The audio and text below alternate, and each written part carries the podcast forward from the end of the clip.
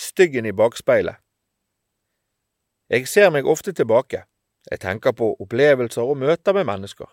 Funderer over utfordringer, gleder og sorger livet har bydd på. Ikke minst tenker jeg på valgene jeg har gjort. Vil jeg ha valgt det samme en gang til? I så fall, hvorfor det? Eller hvorfor ikke det? Når jeg retter min oppmerksomhet bakover i tid, er det ofte fordi jeg har behov for å forstå noe og skjønne hvorfor ting ble som de ble. Denne kunnskapen blir et nyttig verktøy når jeg skal se fremover. Likevel tror jeg ofte at den som retter sin oppmerksomhet for mye mot fortiden, ikke er helt til stede her og nå.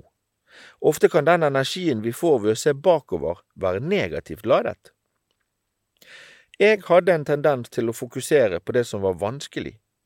Jeg husket følelser av frykt, maktesløshet og tap. Mange av oss kan fort bli et offer i eget liv om vi utelukkende ser bakover for å finne ut hvem sin skyld det har vært at livet ikke har blitt slik vi hadde tenkt.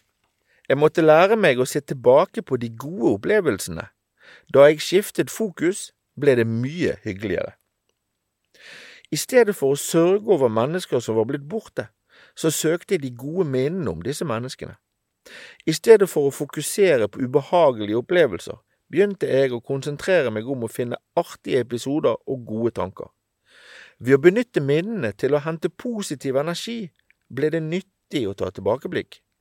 Dette var en prosess som tok lang tid og krevde mye energi, men når jeg hadde lært meg å bruke bakspeilet på rett måte, ble det en positiv opplevelse.